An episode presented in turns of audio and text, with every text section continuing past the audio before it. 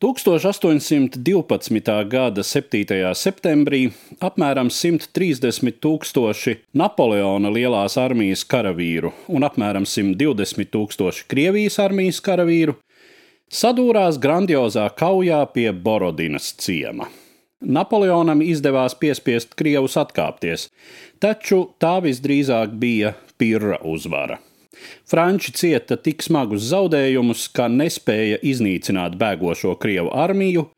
Krievi savus zaudējumus visai drīz varēja kompensēt, Napoleonam šādas iespējas nebija.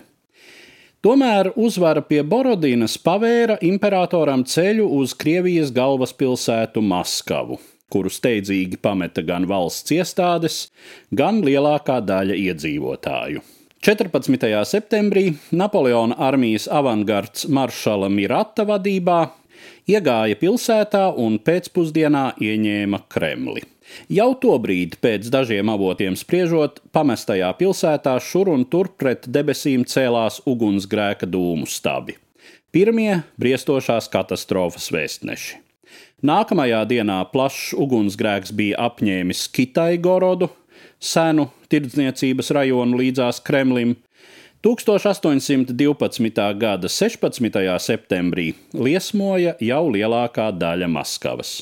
Pilsētā sāka plosīties uguns viesulis, un imperators Napoleons, kurš iepriekšējā dienā bija apmeties Kremlī, bija spiests pamest caru rezidenci un steidzīgi pārcelties uz vienu no Piemaskavas pilīm.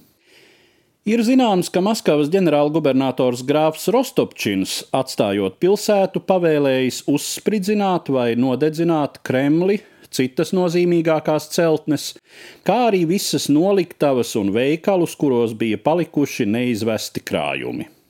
Saglabājušās franču virsnieku liecības vēsta par notvērtiem dedzinātājiem un atrastiem degļiem. Tomēr ir visai ticami, ka bez vainas nav arī lielās armijas karavīri, kuri apmetās visā pilsētā, kurināja pavārdus un mēdza iekurtielās sārtus. Pilsētā, kur lielākā daļa apbūves bija no koka un nedarbojās ugunsdzēsības dienests, pie tam septembrī, kas togad bija padevies samērā sauss un silts, ugunsgrēka izcelšanās bija tikai laika jautājums.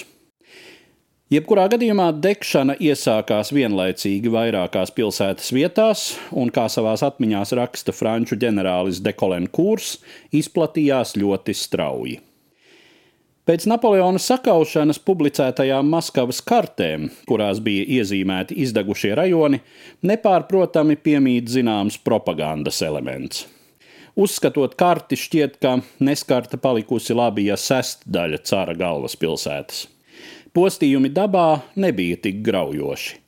Tomēr visai konkrēti aprēķini liecina, ka ugunsgrēks varētu būt iznīcinājis vai bojājis līdz pat trim ceturdaļām no Maskavas ēkām. Liesmās gāja bojā nozīmīgas kultūras vērtības, tā skaitā Krievu 12. gadsimta eposa teiksma par Igora kauju oriģinālais manuskripts un 15. gadsimta sākumā tapusī trīsvienības kronika.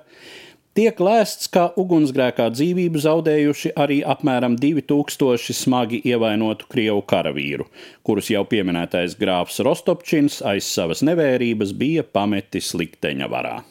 Stāstījumu sagatavoja Eduards Liniņš.